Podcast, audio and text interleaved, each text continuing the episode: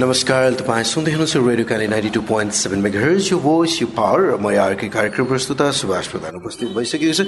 र कार्यक्रमको नाम हो मेरो ब्रान्ड जुन आउने गर्छ हरेक सोमबार बेलुकी साढे आठदेखि नौ र यो कार्यक्रम यहाँले सुन्न सक्नुहुन्छ रेडियो क्यालीको अफिसियल पेजमा र साथै खबर हबको पेजमा पनि यहाँले हेर्न पनि सक्नुहुन्छ। साथै हाम्रो पात्रको एप डाउनलोड गरेर रेडियो क्याली सुन्न सक्नुहुन्छ र आज हामीसँग एक विशेष अतिथि हुनुहुन्छ विकास तिमल सेना जो गार्डन अफ पश्मिना का ओनर हुनुहुन्छ युवा व्यवसायी हुनुहुन्छ र धेरै राम्रो राम्रो कामहरू गरिराख्नु भएको छ उहाँले आफ्नो बिजनेसलाई फ्लरिस गर्दै हुनुहुन्छ र म उहाँलाई स्वागत गर्न चाहन्छु।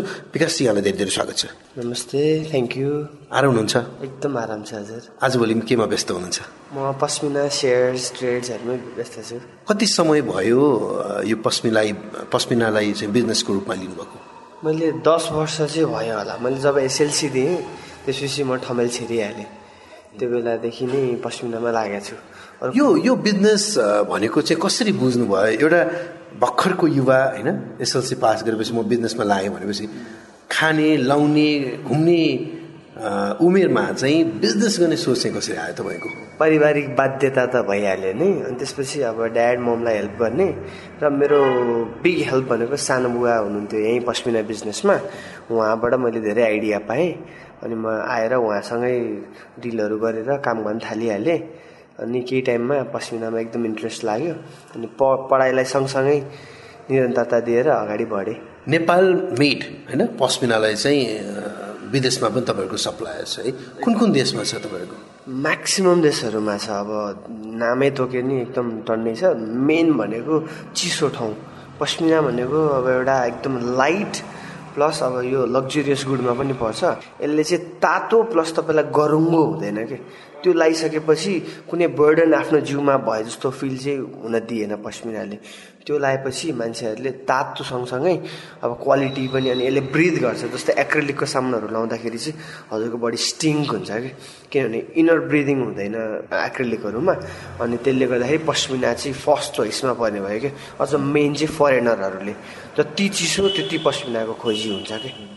जस्तै सुरुवातीको दिनलाई कसरी सम्झिनु छ? जब कि भनौँ न अभिभावकलाई चाहिँ म चाहिँ अब बिजनेस गर्छु भनिराख्दाखेरि पक्कै पनि क्यापिटलका कुराहरू हुन्छ अर्थका कुराहरू आउँछ होइन विकासी भर्खर एउटा रमाउने उमेरमा चाहिँ बिजनेस स्टार्टअप गर्दाखेरि परिवारको सहयोग साथ कतिको थियो र कतिको सङ्घर्ष थियो त्यो दिनलाई हामी सम्झौँ यस्तो थियो। सुरुमा गर्दा त सबैजना डराइहाल्नुहुन्छ किनभने जहिले पनि बिजनेस स्टार्ट गर्दा फिफ्टी फिफ्टी हुन्छ। कि माथि बढ्यो कि तल झऱ्यो? त्योभन्दा अरू कुनै अप्सन नै हुँदैन। परिवारमा मेरो अब कन्फिडेन्सले जित्यो भनौँ पारिवारिक हेल्प मैले पाएँ। परिवारमा अब मम्मी ड्याडीहरूलाई खासै आइडिया थिएन पश्चिमना के हो जे सल्लाह पनि पश्मिना भन्ने नेपाली चलन छ। अनि त्यही भएर डर मर्दै थियो अनि मैले राम्रै पाएँ अनि म कन्फिडेन्ट थिएँ। अर्को के थियो भने अब इङ्ग्लिस मिडियम स्कुलबाट पढेँ। इङ्ग्लिस ठिकै थियो। अनि मैले खैरेहरूसँग इन्ट्रेक्ट गर्दाखेरि उनीहरूले जुन प्रतिक्रियाहरू दिए नि त्यसबाट म एकदम सन्तुष्ट थिएँ। जस्तै मोटिभेट हुन्थेँ कि म अनि त्यहाँबाट मलाई सजिलै भयो अगाडि बढ्नको लागि। पहिलो पटक बिजनेस गर्दाको पहिलो कमाइ कति थियो? पहिलो पटक बिजनेस गर्दा त आत्तिएकै थिएँ कमाइ थियो। महिनाको तपाईँको तिन लाख जति सेभ गरेको थिएँ। त्यो प्रफिट नै हो प्रफिट नेट प्रफिट भाडा साडा तिरेर तिन लाख त्यो सायद लाइफमा बिर्सिन्न होला म। किनभने त्यो म स्योर डुबे नै जस्तो भएको थियो कि किनभने भूकम्प आइसकेको थियो मैले बिजनेस स्टार्ट गर्दाखेरि। त्यो भूकम्पपछि मानिसहरू अलिक कमै थियो कि पश्मिना किने नेपालीहरूले एफोर्ड गरिहाल्ने सक्ने प्राइस हुँदैन पश्मिनामा गाह्रो गाह्रै नै थियो तर मैले प्रफिटमा जब लगेँ नि बिजनेस त्यसपछि म झन् कन्फिडेन्ट भएँ। त्यसपछि आफैले आफूलाई मोटिभेट गरेर मैले सक्छु भन्ने भएर मैले लस आजको दिनसम्म एक दिन पनि गरेको छैन जुन यो लकडाउनको पिरियड छोडेर आजसम्म म सधैँ प्रफिटमै छु। लगभग लगानी जुन तपाईँले गर्नुभयो पस्मिनामा तपाईँले आफ्नो फ्याक्ट्री छ तपाईँले बनाइराख्नु भएको छ यो कुराहरूमा होइन?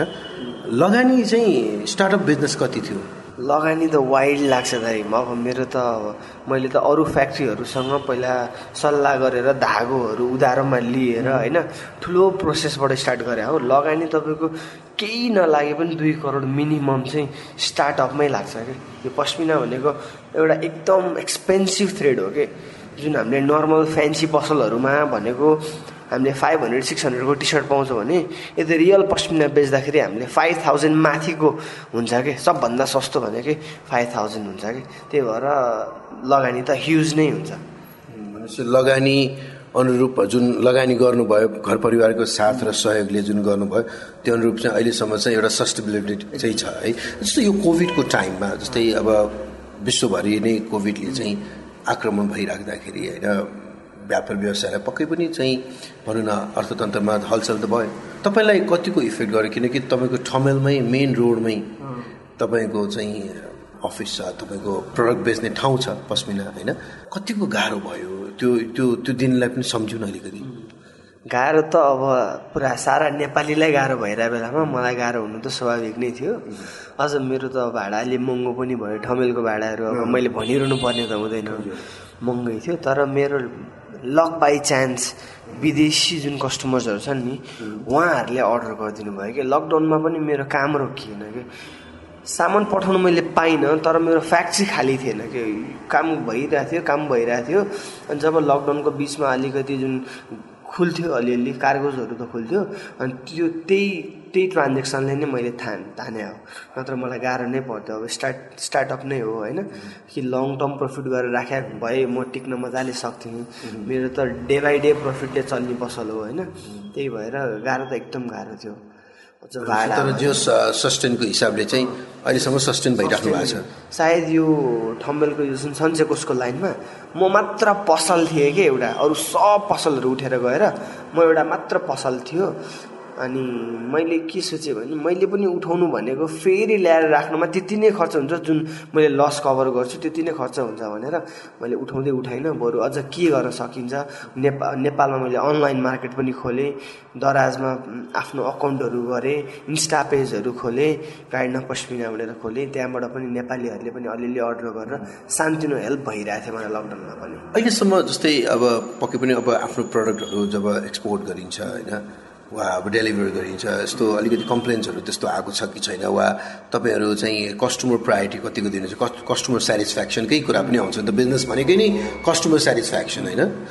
त्यो भएको चाहिँ कस्टमरप्रति तपाईँहरूले दिने काम वा व्यवहार कस्तो छ?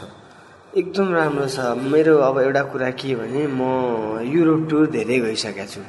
मेरो जस जहाँ जहाँ मेरो सामान म्याक्सिमम् जान्छ नि त्यहाँ म गइसकेको हुन्छु। त्यहाँ गएर क्लाइन्ट मिटिङहरू हुन्छ मेरो। मैले त्यहाँको टेम्परेचर वाइज मैले प्रडक्ट सजेस्ट गर्छु उहाँहरूलाई त्यही भएर कम्प्लेन्स खासै छैन। म नराम्रो चिज बनाउँदै बनाउँदिनँ बन राम्रो बनाएर पठाउँछु। उहाँहरू यहाँ आउँदा फ्याक्ट्रीहरू भिजिट गरेर त्यही अनुसारको डिजाइन त्यही अनुसारको मोडल बनाए यो बनाए भन्नुहुन्छ। म त्यही अनुसारको मेरो त्यहाँको अब मास्टर्सहरूलाई यो गराउनु गर बनाउनु भनेर भन्छु। अनि त्यसपछि त्यस्तो कम्प्लेन छैन र अर्को एडभान्टेज भने म उहीँ जाने भए भएर खासै प्रब्लम छैन। म उहाँ गएर यो सामान बिक्छ यो सिजनमा यो सिजनमा यस्तो यो क्वालिटी यतिमा बिक्छ भनेर त्यहाँ बसेर जुन क्लाइन्ट मिटिङहरू गर्छु। सिक्स टाइम भयो म युरोप गएको। यो लकडाउन बाहेक मैले टुवेल्भबाट होला लगातारै हरेकचोटि मैले तिसवटा जति कन्ट्री चाहिँ भिजिट गरिसकेको छु। जस्तै एक्सपोका कुराहरू पनि आउँछ होइन? एक्सपोमा एक्सपोमा जाँदाखेरिको जस्तै देशलाई नै रिप्रेजेन्ट गरेर जानुहुन्छ होइन? बसमा धेरैजना हुन्छ होला तपाईँ त्यो मध्ये तपाईँ पनि एक हुनुहुन्छ जो चाहिँ भनौँ न त्यहाँ पनि तपाईँ पनि पुग्नुहुन्छ। त्यहाँका विदेशी व्यक्तिहरूबाट चाहिँ कस्तो फिडब्याक पाउनु भएको छ तपाईँलाई? विदेशी राम्रै थियो। अब म एक्सपो भनेको सबभन्दा ठुलो एक्सपो हाम्रो two thousand fifteen Milan expo भन्ने थियो इटलीमा त्यहाँ तपाईँको वर्ल्ड वर्ल्डको हरेक कन्ट्रीको रिप्रेजेन्ट गरेर त्यहाँ तपाईँको सामानहरू थियो। त्यसमा मेरो पस्मिना पनि पऱ्यो लक्कीली ठाउँ पाउनै गाह्रो त्यहाँ। तर मैले पाएँ किनभने मेरो राम्रो लिङ्क मेरो कस्टमर्सहरूले गर्दा पाएँ गएँ रिप्रेजेन्ट गरेँ। मैले अब एकदम रमाइलो मैले त्यो फिफ्टिन डेजको एक्सपो थियो। मैले सेभेन पनि होइन कि सिक्स डेजमा सब सामान सक्यो क्या मेरो? त्यति त्यति राम्रो सेल के त्यति नेपाललाई प्रायोरिटी दिए नेपालको ह्यान्डलुमले बनायो भनेपछि एक त प्राइस चिप भयो। अब त्यहाँ तपाईँको टु हन्ड्रेड युरो पर्छ एउटा नर्मल सलको भने मैले सिक्सटी युरोमा बेचिरहेको थिएँ। अनि राम्रो त्यो प्राइस डिफ्रेन्स देखेर क्वालिटी देखेर मान्छेहरू त हारालुस तर त्यो खालको जस्तै अब भनौँ टु हन्ड्रेड युरो र सिक्सटी युरोमा जाँदाखेरि त धेरै so much of fast difference होइन? तर त्यो एउटा हुन्छ नि भनिन्छ नि महँगो पऱ्यो भने चाहिँ राम्रो हुन्छ भन्ने पनि त छ नि होइन?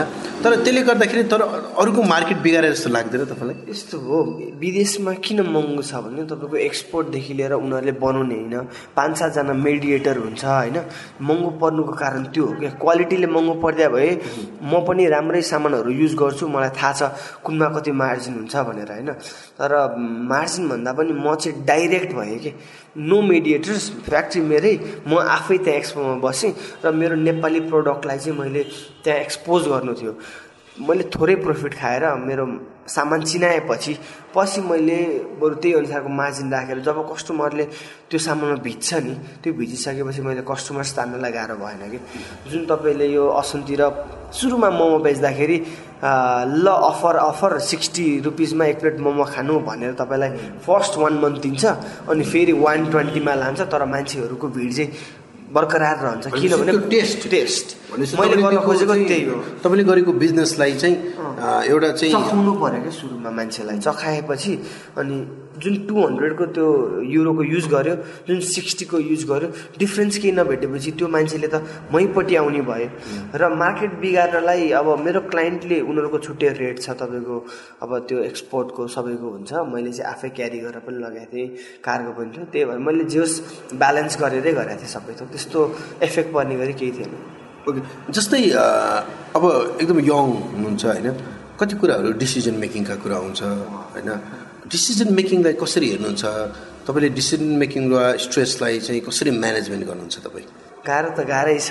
अब अलिकति प्रेसर हुने बित्तिकै डिसिजन मेकिङमा प्रब्लम्स आइदिन्छ कि किनभने प्रेसरले त दुवैतिर तान्छ क्या डिसिजनलाई। तर अब मेरो जुन सानो बुवा भनेको थिएँ मैले स्टार्टिङ उहाँ अहिले पनि मेरो साथमै हुनुहुन्छ ड्याड हुनुहुन्छ मेरो भाइ होइन मेरो जस फ्यामिली नै सँगै लिएर आएको छु कि म मात्र अगाडि बढिनँ कि। I pull all my family together.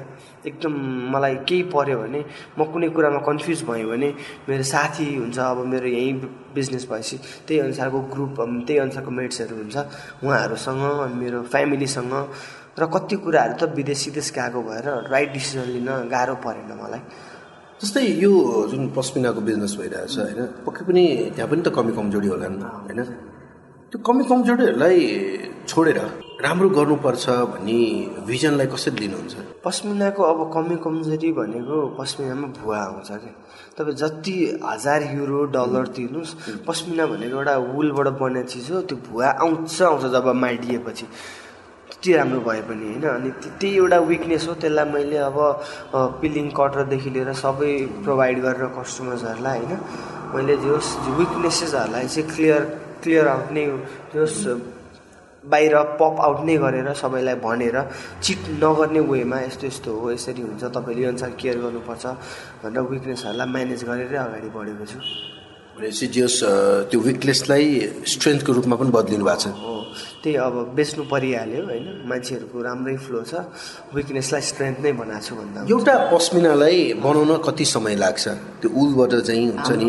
यस्तो हुन्छ। पस्मिना एउटा कहिले बन्दैन? पस्मिना बन्दाखेरि मिनिमम पनि हन्ड्रेड पिसेस एकचोटिमा बनाउनु पर्छ हामीले एउटा बनाउनु थाल्यो भने हाम्रो कस्टिङ वाइल्ड माथि पर्छ कि किनभने जुन धागोको वेस्टेज हुन्छ नि हामीले पस्मिना बनाउँदाखेरि जुन हामीले यहाँ पिसेसहरू देख्नु भएको छ नि मेरो पसलमा त्यो एक पिस चाहिँ हामीले पछि बनाउने हो कि। सुरुमा बनाउँदाखेरि चाहिँ तपाईँको लामो तपाईँको लुङ्गी कपडा जसरी पस्मिनालाई मजाले लामो बनाउने हो तानमा हालेर बनाएको बनाइ बनाएको। अनि पछि त्यही अनुसारको मेन्डिङको मान्छेहरू राखेर कति कति साइजबाट नापेर काटेर त्यही अनुसारले बनाउनु पर्ने हुन्छ। हामीले एक पिस दुई पिस बनाउनु थाल्यो भने एक्सट्रिमली महँगो पर्छ। हामीले बनाउँदाखेरि हजार पन्ध्र सय पिसेस बनाउँछौँ। एकचोटिमा चाहिँ टु हन्ड्रेड पिसको तान हुन्छ। जस्तै प्राइसिङकै कुरा गरेँ नेपालकै प्राइसिङको कुरा गर्दाखेरि तपाईँहरूको पनि सङ्ग छ होइन? पस्मिना सङ्ग होला होइन?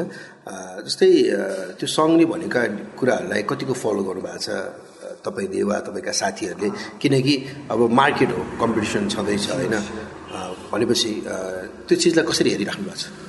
सङ्घले त अब धेरै नै अस्ट्रागल्सहरू पैदा गरेको छ। जस्तै अब कस्तो हुन्छ भने नेपाली मार्केटमा बसेपछि नेपाली आउने त स्वाभाविक भइहाल्यो। तर नेपालीको मन्थली स्यालेरी नै तपाईँको ल बेसिक स्यालेरी टेन थाउजन्ड हुन्छ कुनै एउटा नर्मल अर्गनाइजेसन कुरा गर्दाखेरि। हाम्रो पस्मिनाको स्टार्टिङ नै फाइभ थाउजन्ड भनेको सबभन्दा नर्मल क्वालिटी फाइभ थाउजन्ड पर्ने भयो। अब राम्रो चिज किनौँ भन्दाखेरि तपाईँको बाह्र तेह्र हजार रुपियाँ पर्ने भयो। जुन भनेको नेपालीको पर्चेजिङ क्यापासिटीभन्दा माथि हो। बाह्र तेह्र हजारको पस्मिना किनेर घरमा चामल लाने कुन के पैसाले त नर्मल स्यालेरी हिसाब भन्यो भने अब धनीको कुरा छोडिदिउँ हामीले मिडल मिडल बोथ साइडको एग्रिगेट कुरा गर्दाखेरि। अनि हाम्रो के छ भने पस्मिना सङ्घले के भन्छ भने मात्र प्योर बेच्नुपर्छ पस्मिना नेपाललाई रिप्रेजेन्ट गर्ने चिज हो मात्र प्योर बेच भन्छ तर पर्चेजिङ क्यापेसिटी नभएपछि नर्मल मान्छेलाई नि त पस्मिना लाउन मन छ। त्यसमा चाहिँ हामीले के अप्सन निकालेको छौँ हामीले सेभेन्टी थर्टी भन्ने हुन्छ। Seventy percent pashmina thirty percent silk. अथवा seventy percent pashmina twenty percent twenty percent तपाईँको cotton and ten percent acrylic हाम्रो त्यो चाहिँ हामीले मिक्सर गराउनु पर्ने हुन्छ क्या। किनभने मान्छेलाई किन्न सक्ने त बनाउनु पऱ्यो नि त। के गरी बनाउने भन्दा हामीले मिक्स गराउनु पऱ्यो त्यो चाहिँ हाम्रो पस्मिना सङ्घले दिँदैन। त्यो अलि अप्ठ्यारो अब्सट्राकल छ तर पस्मिना सङ्घसँग राम्रोसँग कुरा गरेर चाहियो भने हामीले सक्छौँ यो कुरा। नेपालीहरूको लागि अब भुवा नआउने बनाउँदाखेरि कटन तपाईँको सिल्कहरू मिक्स गराएर बनाउने गरेका छौँ। त्यही एउटा कुरा नत्र अरू सब राम्रै छ। विदेशीले हामीलाई हेर्ने दृष्टिकोण कस्तो रहेछ? लिभिङ पस्मिना चाहिँ एउटा चाहिँ बिजनेस पर्सनको रूपमा चाहिँ एउटा होइन तपाईँ त बिजनेस गर्नु गर्नु जानुभयो त्यहाँको व्यक्तिले चाहिँ त हामी नेपालीलाई कसरी हेर्दा रहेछन् कस्ता खालको ट्रिटमेन्ट छन् कतिको फ्रेन्डली छन् उहाँहरू?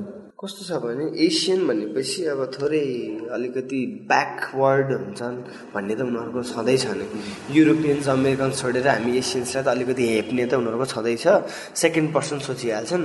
तर अब हाम्रो यो बिजनेसहरूले जुन खुकुरी हाम्रो पस्मिना जुन रिप्रेजेन्ट गर्छ नि अनि सगरमाथा भयो हाम्रो डिफ्रेन्ट कुराहरूले चाहिँ नेपालमा पोजिटिभ नै छ। उनीहरूले हेर्ने दृष्टिकोण राम्रै नै छ।